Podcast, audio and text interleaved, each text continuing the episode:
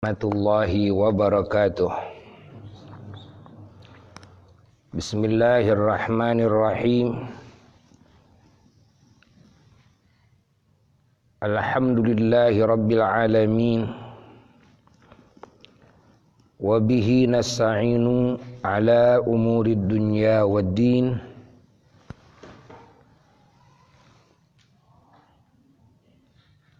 اللهم صل وسلم وبارك على سيدنا محمد الفاتح لما أغلق والخاتم لما سبق ناصر الحق بالحق والهادي إلى صراطك المستقيم.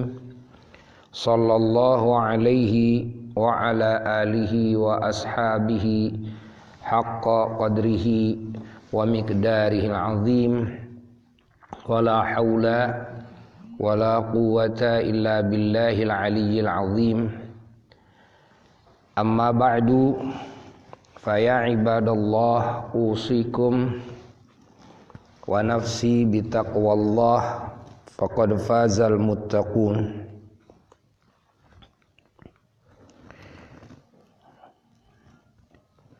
Para jamaah sekalian dan segenap mustami'in mustami'at muhibbin muhibbat. Dan segenap umat Islam di mana pun berada yang semuanya sangat dicintai dan sangat dimuliakan dan juga sangat didoakan dan sangat diharapkan doanya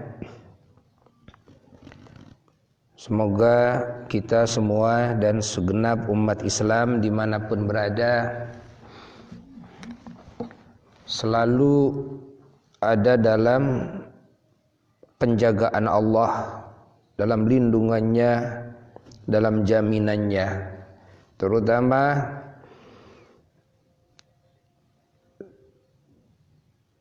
semuanya diselamatkan oleh Allah dari wabah penyakit virus corona dan wabah-wabah yang lainnya dan juga dari semua bencana semua bala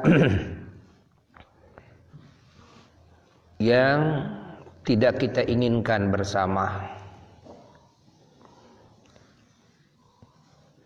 Di sore hari yang penuh barakah ini Abu Ya sedikit ingin menguatkan apa yang tadi Abu Ya bikin yang Abu Ya sebarkan. Makalah yang singkat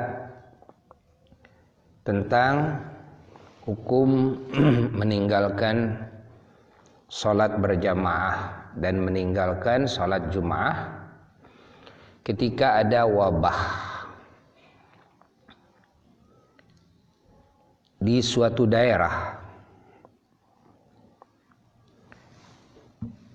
bahwasanya perlu kita pahami bahwa Allah Subhanahu wa taala sangat sayang kepada hamba-hambanya yang dengan sayangnya tersebut atas nama sayang tersebut Allah Subhanahu wa taala menurunkan wahyu yang di dalamnya ilmu pengetahuan yang sangat sakral ilmu pengetahuan yang sangat tinggi yang sangat mahal tiada bandingannya.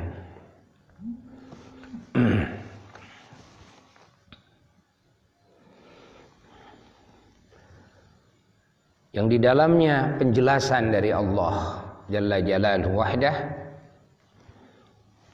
bagi manusia dalam menghadapi seluruh permasalahan hidup dan juga di dalam menghadapi kehidupan barzakh, kehidupan akhirat. Bagaimana solusinya? Lalu Al-Quran dijelaskan lagi oleh sunnah oleh junjunan alam Sayyiduna wa Maulana Muhammad sallallahu alaihi wa alihi wasallam yang mana diutusnya para rasul pun ini merupakan bukti kasih sayangnya Allah kepada manusia kepada bangsa jin, kepada ahli bumi, ahli langit, bahkan ke semua ciptaannya. Karena dengan hadirnya aturan Allah di muka bumi yang disebut dengan agama Islam, syariat Islam, maka aman bumi dan aman langit dan semuanya mendapatkan barokah. Semuanya mendapatkan warna-warni kebaikan. Langit dan penghuninya, semuanya. Ya. Dan juga aras kursi semuanya mendapatkan kebaikan. Dan hilangnya agama di muka bumi ini ini adalah ancaman bagi semua ahli bumi dan buminya termasuk langit ya seluruh planet nanti pada hari kiamat semua dihancurkan oleh Allah yang menjadi sebab apa hilangnya agama hilangnya iman, hilangnya Islam, hilangnya ihsan, hilangnya ketakwaan di diri manusia dan bangsa jin. Ketika total lenyap, maka Allah menimpakan bala yang terbesar yaitu kehancuran bumi dan langit dan seluruh planet matahari dan bulan dihancurkan oleh Allah Jalla Jalaluhu wahdah. Artinya kita harus meyakini bahwa ajaran Islam adalah benteng dari segala musibah, sumber segala kebaikan dan keberkahan, rahmat. Jika dijalankan dengan baik oleh manusia, oleh bangsa jin dan solusi yang paling tepat di dalam mengarungi bahtera kehidupan dan juga di dalam mengarungi berbagai permasalahan di alam barzakh dan di akhirat kelak. Dan kita harus memahami juga bahwa ketika keimanan keislaman ini rusak di diri manusia dan diri di diri bangsa jin dengan sebab melakukan berbagai pelanggaran-pelanggaran mengabaikan perintah-perintah Allah dan juga melakukan larangan-larangan Allah. Maka dari situlah Allah Subhanahu wa taala menimpakan warna-warni keburukan warna-warni kerugian kehinaan bagi manusia.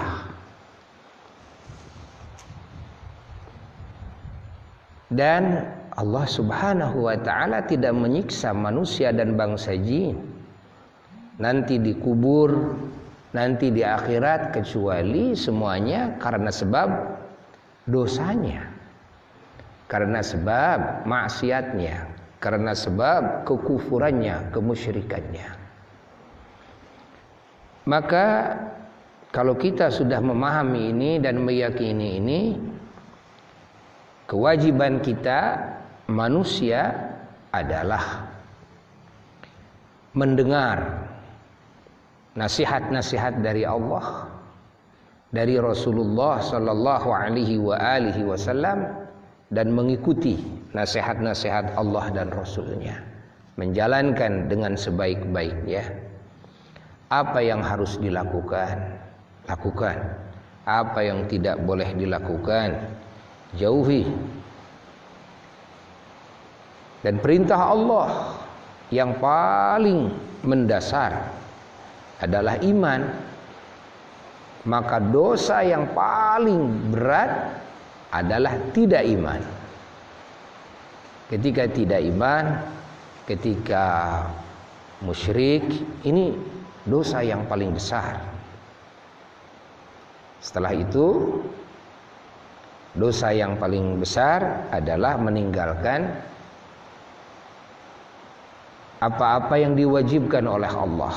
Dari mulai rukun Islam ya meninggalkan sholat meninggalkan saum Ramadan dan juga tidak mengeluarkan zakat bagi yang sudah nisab dan juga tidak melakukan haji bagi yang sudah istita'ah Nah, ini dosa yang sangat besar. Lalu ada lagi dosa yang besar yang lainnya ya. Ketika meninggalkan yang diwajibkan. Di antaranya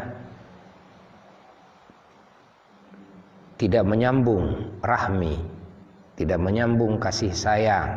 Itu.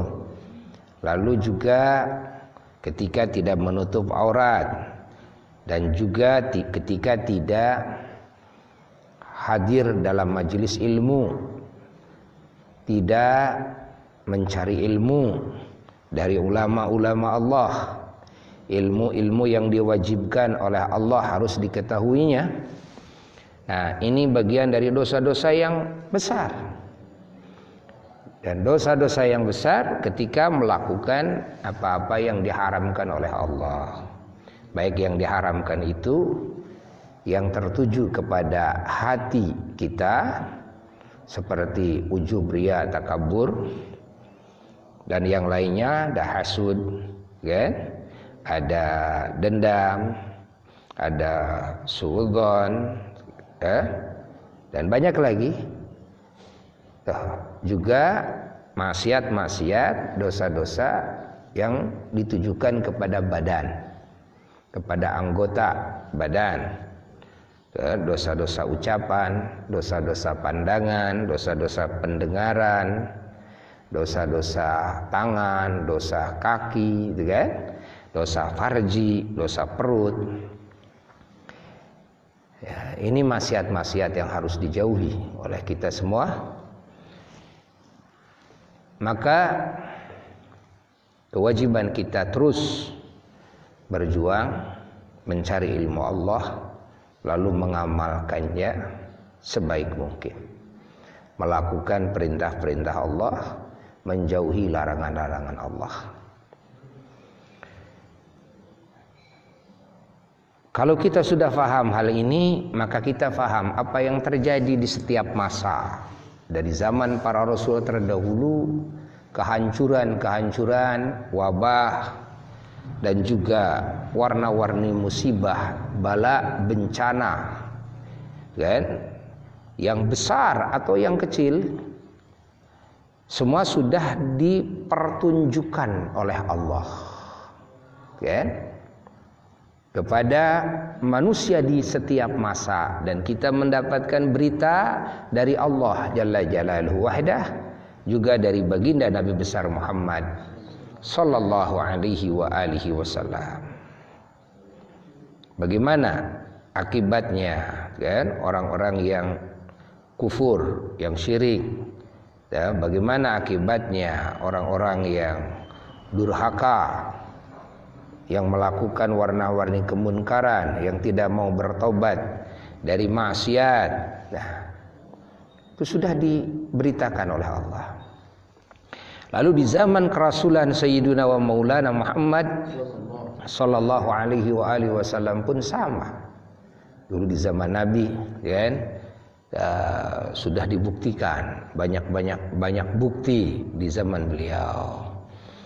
Uh, begitu pula akibat baik bagi orang-orang yang taat kepada Allah, yang beriman, yang bertakwa. Ya.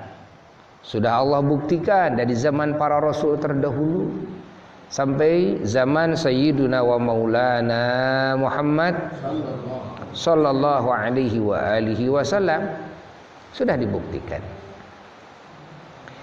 Nah, cukup ini sebagai bukti ya, cukup sebagai bukti. Lalu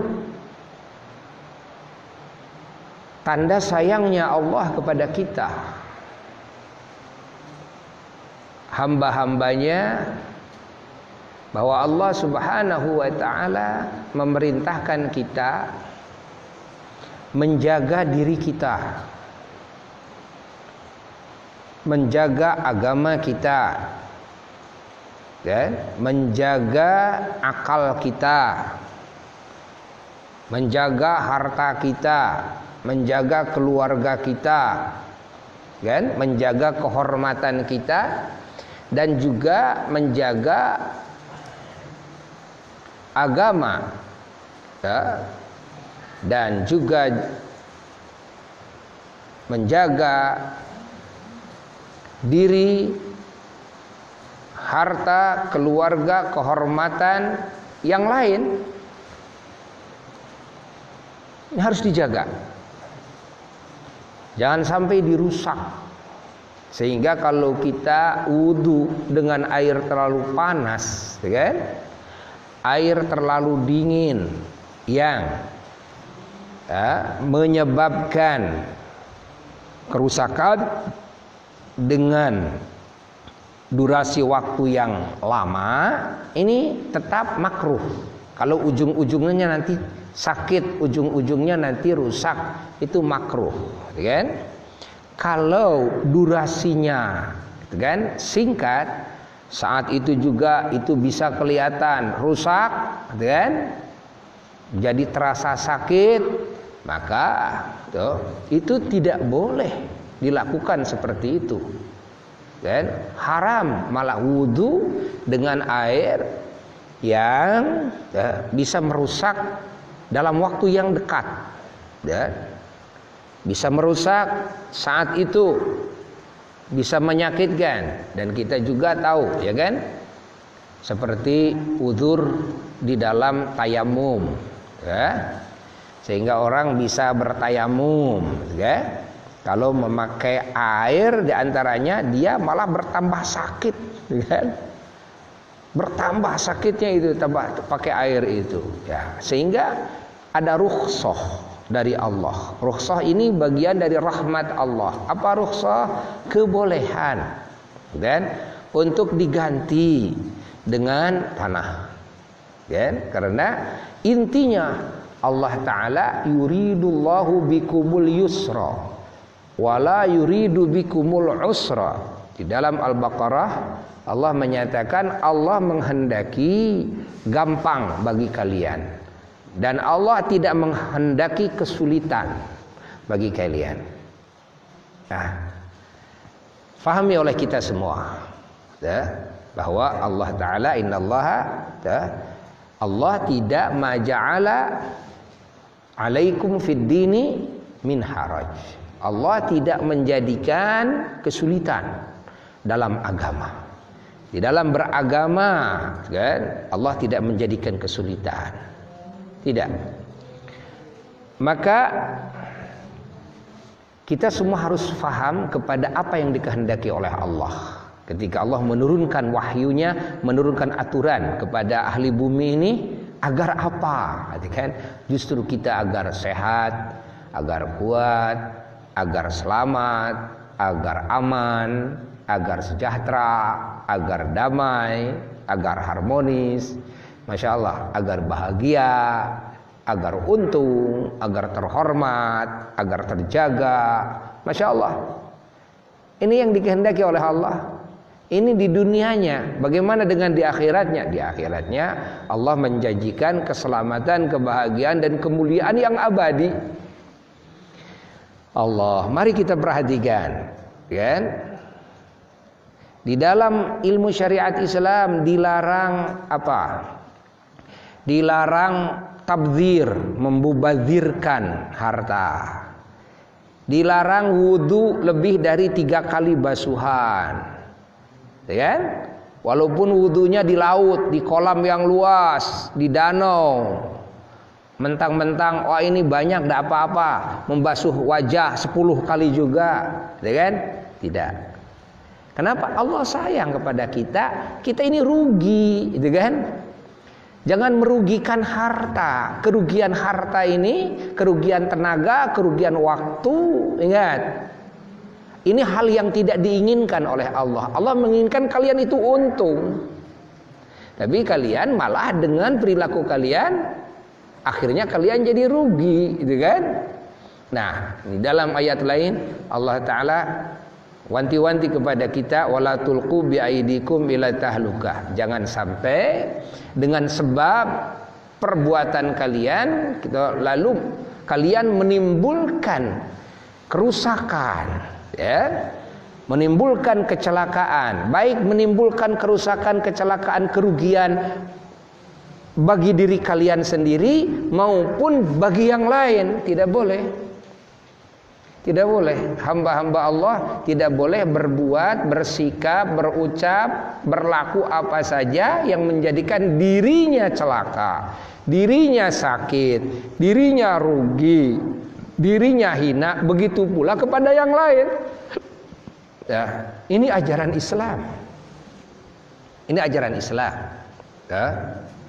Maka kalau kita menghadapi hal-hal yang mencelakakan kita, ya, hal-hal yang mencelakakan kita, lalu kita mau melakukan perintah Allah di saat uh, berbentrokan dengan hal yang mencelakakan kita, kan? Maka Allah Subhanahu wa taala memberikan rukhsah kepada kita. Jangankan yang mencelakakan, yang bikin repot aja contoh. Allah memerintahkan kepada kita memberikan rukhsah kalau sholat di perjalanan yang empat rakaat boleh dua, yang biasa dilakukan di waktunya duhur di waktunya sholat asar waktunya maghrib di waktunya boleh digabung-gabung? Padahal gitu kan? Padahal tidak ada hal yang mencelakakan tapi ini bikin ribet gitu kan loh nanti sholat duhur harus berhenti dulu harus nanti nah ini nah subhanallah ini sayangnya Allah Allah kasih kemurahan udah sholat kamu sekarang digabung-gabung saja, lalu dipotong dua-dua. Kan? Boleh kita empat-empat di waktunya dalam perjalanan, boleh-boleh saja. Namun ketahuilah kan bahwa Allah Subhanahu wa taala telah memberikan rukhsah. Apa rukhsah? Kebolehan. Kebolehan, gitu kan? Kebolehan bagi kalian. Nah, Bahkan Rasulullah sallallahu alaihi wasallam pernah bersabda, halakal mutanatti'un, halakal mutanatti'un, halakal mutanatti'un. Waduh, celaka orang-orang yang ta, e, mutanatti, tanattu, orang-orang yang tanattu, yang tanattu. Apa makna tanattu? Di antara arti tanattu kata Imam At-Tibi rahimahullah adalah ketika Allah memberikan rukhsah kebolehan, kan? Lalu kita tidak mengambil kebolehan tersebut, kan? Itu di antaranya, ya, itu di antaranya. Ah, ah, saya mah mau sholat empat rakaat di waktunya, silakan, silakan. Ya, tapi ini tidak baik. Bahkan Allah Subhanahu Wa Taala dalam hadis sahih, ya, Rasulullah Sallallahu Alaihi Wasallam telah bersabda bahwa Allah yuhibbu ya Allah menyukai ya, apa dilakukan oleh kita oleh hambanya kemur, apa kemurahan-kemurahannya, kebolehan-kebolehannya seperti Allah menyukai dilakukan oleh hambanya, oleh kita kewajiban-kewajibannya. Ini sudah dibahas oleh Buya dalam uh, apa makalah yang tadi. Ya, dalam makalah tadi. Banyak dalam bab saum. Kita diwajibkan saum bukan wajib. Tapi dan ada saat-saat tertentu ketika sakit udah jangan saum. Ini sayang Allah pada kalian. Dan dalam perjalanan padahal tidak mencelakakan, gak usah saum. Ya, nanti aja dikodok.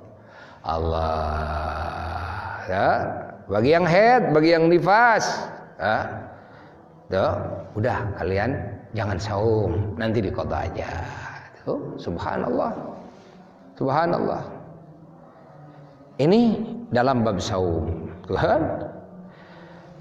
Bagaimana di dalam bab salat Jum'ah dan berjamaah kan? Di dalam bab salat Jum'ah salat Jum'ah itu berbeda dengan sholat fardu yang lima waktu. Dalam artian bahwa sholat Jumat ketika tidak dilakukan tetap ada sholat fardu yang pokoknya. Ya di dalam berjamaah yang hilang adalah berjamaahnya. Kan? Adapun sholatnya tidak hilang. Kalau kita tidak sholat Jumat sholat duhurnya juga tidak hilang. Ya kan? Maka para ulama ahli fikih ini sudah menjelaskan di dalam hadis yang telah tadi Buya jelaskan ya bahwasanya lihat di dalam fikih di dalam uh, masalah tuh, bolehnya orang tidak berjamaah ke masjid ketika ada hujan. Gitu kan? Ketika ada hujan. Dan juga di dalam meninggalkan sholat Jum'ah ya, di dalam meninggalkan sholat Jum'ah Buya sudah jelaskan tadi di dalam meninggalkan sholat Jum'ah bahwasanya dibolehkan meninggalkan sholat Jum'ah di dalam situasi kondisi yang darurat alias ada udur apa ada udurnya? Udurnya di antaranya sakit Udurnya di antaranya khauf karena takut. Takut apa? Takut menghadapi hal-hal yang membahayakan. Ya. Kalau ada hal-hal yang membahayakan kita, kan, lalu kita merasa takut, maka dibolehkan untuk meninggalkan salat Jumat. Tapi tentu kita tidak boleh menjadi penakut. Dalam artian takut kita takut yang tidak ada alasan. Ya, tidak boleh. Ya, tidak boleh. Jadi kita harus menelaah dulu. Ya, apa yang menakutkan ini? Sehingga kita menjadi takut, gitu kan? Keluar rumah, interaksi dengan yang lain, dilihat dulu. Ya, lihat bukti-buktinya. Ya. Bagaimana menurut tanggapan para ahli kesehatan seperti tentang virus corona ini? Dilihat dulu. Lihat bagaimana apa itu masuk ke daerah kita atau tidak. Ya. Sudah dijelaskan dalam makalah yang tadi bahwasanya kalau ada penyakit taun atau wabah di satu daerah, Rasulullah SAW melarang masuk ke daerah tersebut. Dan kalau kalian ada di daerah tersebut lalu taun masuk ke sana, wabah masuk ke sana, kalian jangan keluar dari daerah tersebut. Ini tujuannya apa? Agar tidak menyebar. Nah, sekarang apakah virus corona ini betul-betul mengancam kepada keselamatan jiwa manusia, keselamatan manusia, maka kita melihat, memantau, ternyata di Cina sudah banyak yang mati. Ternyata di Itali, ternyata di Iran, negara-negara yang jauh nih Itali ini tuh terkena. Tuh Mesir terkena, tuh, kan? Israel terkena. Lalu tuh, Indonesia terkena. Bagaimana ini pergerakan virus corona ini menurut ahli kesehatan dan penelitian mereka yang tentunya kita mau ke siapa lagi kita percaya dalam hal ini? Nah, mereka mengatakan bahwasanya ini virus corona ini ganas dan virus corona ini penyebarannya cepat sekali. Karena nempel, kan? nempel di benda, nempel di pakaian, nempel di apa saja nempel. Nah, nah ini penyebarannya lewat interaksi. Ketika ada interaksi, itu kan, nah di situlah. Sementara sekarang kan lalu lalang dan hubungan antar negara, apalagi antar provinsi, antar kota, sekarang kan sudah eh, sudah apa namanya di zaman kita uh, artinya sudah menjadi hal yang biasa tuh lalu lalang orang dari negara mana saja dari daerah mana saja keluar masuk gitu kan? Uh, karena sekarang transportasinya sudah lengkap ya. Bukan cuma pesawat saja ada bis ada kereta api ada angkot ada ojek dan sebagainya. Sehingga melalui e, hal seperti itulah virus corona ini bisa gampang menyebar luasnya.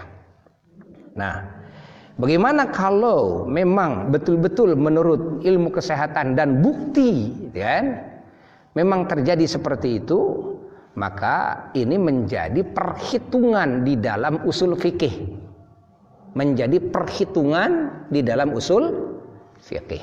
Nah, Bagaimana nanti menurut usul fikih?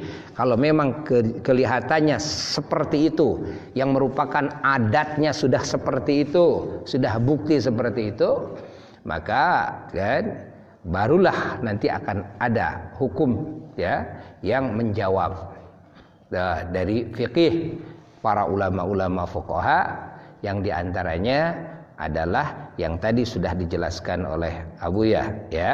Jadi di daerah yang memang terkena wabah, maka di sana jikalau orang-orangnya takut untuk keluar dari rumah, kan? Orang yang sehat nih, orang yang sehat takut keluar dari rumah, takut kena, maka tidak diwajibkan bagi yang takut itu untuk melaksanakan sholat Jumat, sholat duhur di rumahnya saja, jangan keluar dari rumah, kan? Orang yang sudah terkena, jangan keluar dari rumah ya, jangan keluar dari rumah. Jadi pertanyaannya tadi karena ada yang bertanya juga kepada Buya, Buya bukankah dalam keterangan orang-orang yang sholat berjamaah begini faidahnya, yang sholat subuh berjamaah begini faidahnya, wasainu bisabri wasolah. Kita tidak meninggalkan sholat, tapi kan berjamaahnya ini umpamanya. Nah dalam berjamaah seperti itu, keterangan-keterangan itu tentunya keterangan-keterangan dalam suasana, dalam saat ya tidak ada asbab. Nah, itu kan tidak ada asbab. Nah, kalau tidak ada asbab, ya tafadhal. Ya. Nah, ini bukankah ini menyembuhkan? Pertanyaannya begini. Ya. Kalau kita pemanya, sayalah dan naudzubillah min dzalik. Kalau saya yang terkena virus corona, lalu saya akan datang berjamaah ke masjid kalian. Boleh enggak? Ini pertanyaan logika ini logis nih, ya kan? Kalau saya yang terkena virus coronanya lalu saya datang ke majelis taklim kalian, berkumpul dengan kalian, boleh gak menurut kalian? Sekarang menurut adat saja tentu akan ditolak. Menurut ilmu kesehatan pemerintah jangan, ya kan? Menurut agama bagaimana? Menurut agama Apakah menurut agama ini boleh? Ataukah tidak? Setelah ditetapkan bahwa virus corona ini menurut ilmu kedokteran, ilmu kesehatan bisa menular dengan cepat dan ini ganas sekali dan sudah bukti, kan? Akan diizinkan oleh kalian tidak? Itu kan kalian juga tidak mengizinkan kan? kan? Kalian tidak mengizinkan. Nah, kalau ada Pertanyaan, bukankah ini juga belum tentu? Bukankah semua yang terkena juga tadinya mengira belum tentu? Semua yang belum terkena, semuanya mengira belum tentu. Lalu dia bergaul dan eh, dengan orang-orang biasa. Bahkan ternyata tingkatan presiden, tingkatan wakil presiden, tingkatan dengan menteri saja bisa kena. Tuh lihat di Iran, kan? Para pejabat-pejabat, kan? Bukan di Cina saja, bukan di Cina sudah jelas. Ya. Mereka bisa kena. Mungkin dalam pikirannya mereka mengira seperti tadi. Ah, kan? Ini kan belum tentu. Ini kan belum tentu. Akhirnya ya, kena juga. Kalau sudah kena, ya, yang bilang belum tentu pasti dia akan merasa menyesal. Kalau sudah kena pasti akan merasa menyesal. Apalagi kalau sudah tertular sekeluarga. Kalau belum kena, ya merasa ya kayak mati sajalah. Kalau kematian orang belum mati merasa wah saya, sukaria berani maksiat dan sebagainya. Tapi kalau orang yang merasakan sakaratul maut baru menyesal di sana. Ya kan?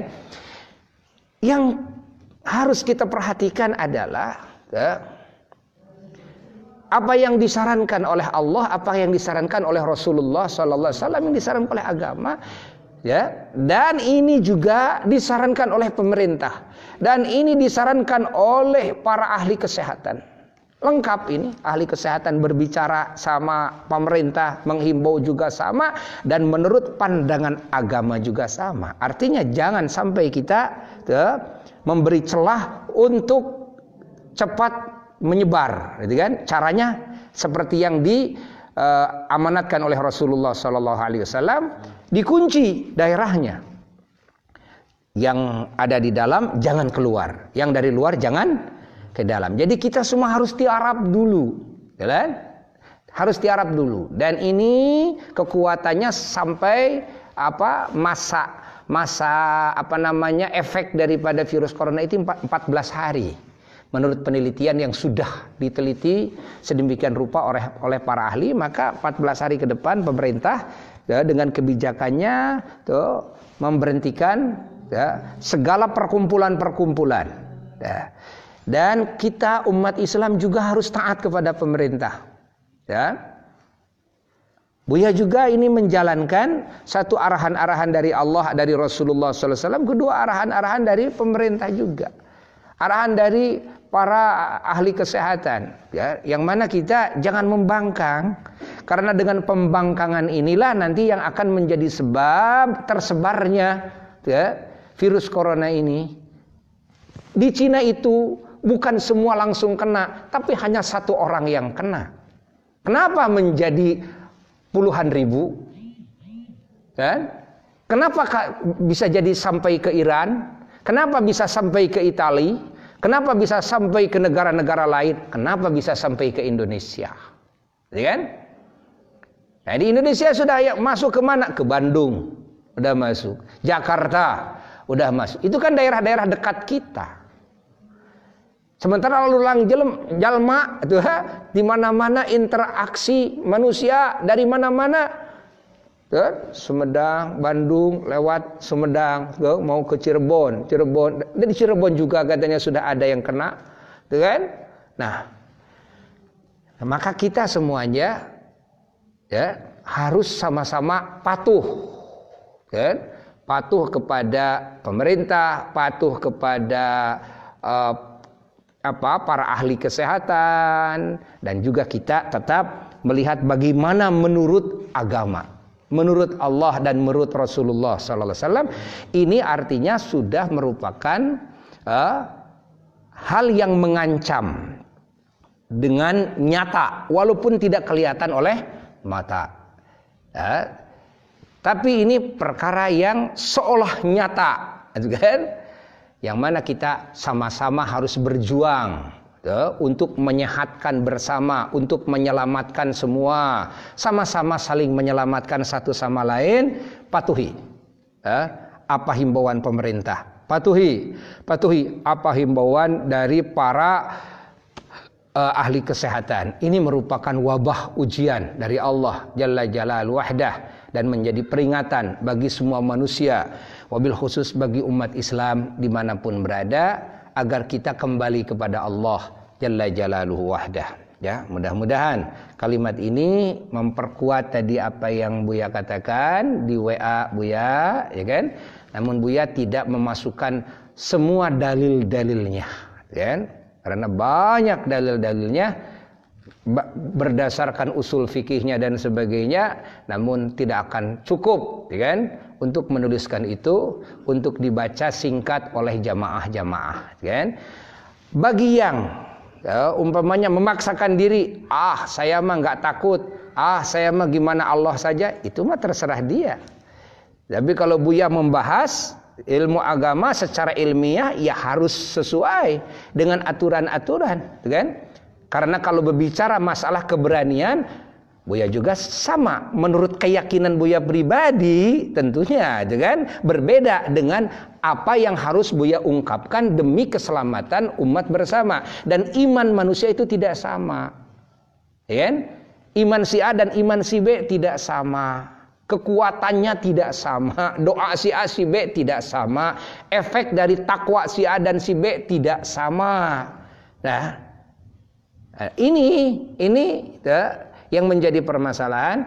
Lalu dan kita semuanya ketika melihat ada perbedaan di antara ulama tidak usah bingung-bingung ya. Kalau memang kita mau mengikuti kepada apa yang disarankan oleh ulama kan A silakan kalau kita mau mengikuti apa yang disarankan oleh ulama B silahkan ya ini tidak boleh menjadi bahan pertengkaran dan bertambahnya keburukan. Tapi harus bertambah ketakwaan kita semuanya karena sepakat semuanya bahwa ini adalah peringatan dari Allah sepakat semuanya kan? Bahwa kunci utama adalah istighfar kunci utama bertobat kunci utama membenahi hubungan kita dengan Allah hubungan kita dengan Rasulullah sallallahu alaihi wasallam hubungan kita dengan semua muslimin muslimat bahkan dengan semua makhluk Allah kan? Lalu setelah itu usaha secara lahiriah usaha secara zahir kan? Ini ini yang harus dijalankan oleh kita semuanya. Mudah-mudahan kalimat ini manfaat bagi yang ngomongnya dan bagi yang mendengarkannya. Walafu minkum wassalamualaikum warahmatullahi wabarakatuh.